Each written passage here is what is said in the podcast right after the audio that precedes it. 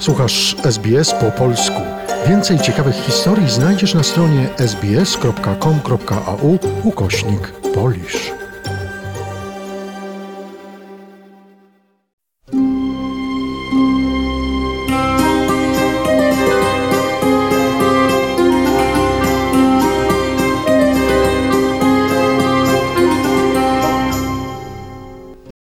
Opowieści Suczki Feli, czyli psiografia, rozdział trzeci, niezaplanowana kąpiel. Bardzo szybko polubiłam życie w wielkim mieście, zwłaszcza, że dookoła domu były ciekawe miejsca na spacery. Na przykład rzeka, do której nie wolno mi było wchodzić, ale za to miałam pozwolenie na kopanie dołów i tarzanie się w piasku. Nad brzegiem tej rzeki można było znaleźć różne skarby. Najlepsze do zabawy były plastikowe butelki, pudełka po papierosach i stare klapki. Widziałam jednak, że te skarby niespecjalnie przypadały do gustu mojej pani. Stanowczo wolała rzucać mi patyki. Postanowiłam sprawić jej przyjemność i patyk od tej pory to moja największa słabość. Człowiek nie jest w stanie sobie wyobrazić, że każdy ma zupełnie inny smak. Jeden przypomina lody waniliowe, drugi rurkę z bitą śmietaną, trzeci czekoladę mleczną. Tak przynajmniej myślę, bo wiem, że takie przysmaki uwielbiają dzieci. Czasami razem z moją panią odwiedzałyśmy park z fontanną i stawem pełnym kaczek.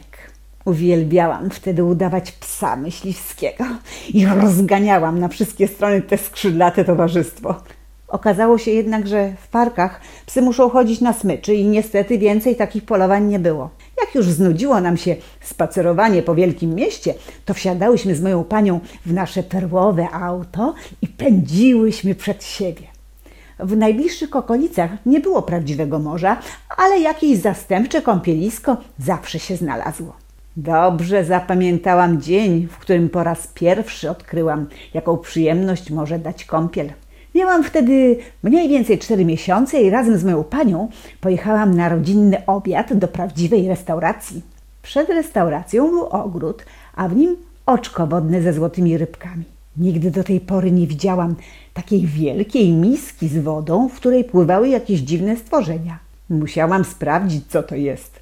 Z impetem wskoczyłam do środka ku przerażeniu mojej pani, która myślała, że nie umiem pływać.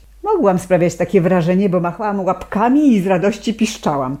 Moja pani odebrała to jednak zupełnie inaczej i tak jak stała, a stała cała ubrana w kapeluszu i w szpilkach wskoczyła do wodnego oczka, które okazało się być śliskie i głębokie. Myślałam, że chce się ze mną bawić w berka i wyskoczyłam na brzeg, a potem znowu do wody i znowu na brzeg, i znowu do wody, i znowu na brzeg, ale moja pani wcale nie wyskakiwała i została w wodzie. Trzeba było sprowadzać pomoc, żeby ją stamtąd wyciągnąć. Byłam zadowolona, że wymyśliłam taką fajną zabawę, bo wszyscy ludzie, którzy zbiegli się nad wodę, pękali ze śmiechu. A pani, przerażona, rozglądała się tylko, czy jakiś paparazzi nie czai się z aparatem fotograficznym w krzakach. Szkoda, że już nigdy nie powtórzyłyśmy tej zabawy. Może dlatego, że pani nie wyglądała na uszczęśliwioną? A powinna, bo tylko buty były do wyrzucenia. Pozostałe części garderoby wystarczyło wysuszyć, a w bagażniku samochodu miała kostium od jogi, więc nie musiała zasiadać do stołu w sukience ociekającej wodą ze złotą rybką zamiast broszki. Bardzo się ucieszyłam, kiedy następnego dnia zobaczyłam gazetę z naszym wspólnym zdjęciem, nad którym były jakieś duże litery z wykrzyknikami. Nie umiałam jeszcze czytać, ale z opowieści mojej pani wiem, że wtedy po raz pierwszy w prasie pojawiło się moje imię. Fela. Nic dziwnego, że później zrobiłam karierę filmową. A o moim pierwszym spotkaniu z show biznesem na prawdziwym festiwalu filmowym opowiem Wam w następnym odcinku.